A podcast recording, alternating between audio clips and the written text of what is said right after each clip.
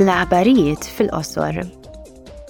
Din il-ġimgħa l-Ministri Svediżi qegħdin jippreżentaw il-prijoritajiet tagħhom f'sensla tal-laqgħat ma' kumitati parlamentari. L-Iżvezja se tokkupa l-Presidenza tal-Kunsill sa tmiem Ġunju 2023. Illum, il-Kumitat għall-Enerġija u l-Industrija se jadotta l-emendi tiegħu għall-Att Ewropew propost dwar iċ-ċipep, imfassal biex isaħħaħ l-industrija tas-semikondutturi fl-Unjoni Ewropea.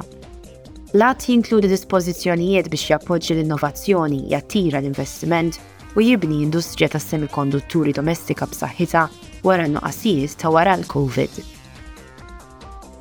Illum ukoll bis-saħħa ta' inizjattiva ta' ċittadini Ewropej ta' suċċess bl-isem Insalvaw lin-Naħal u lill-Bdiewa lejn Agrikoltura favur in-Naħal għal Ambjent b'Saħħtu, il-Kumitati għall-Ambjent u l-Agrikoltura qed jospitaw seduta ta' smigħ ma' dawk li bdew l-inizjattiva.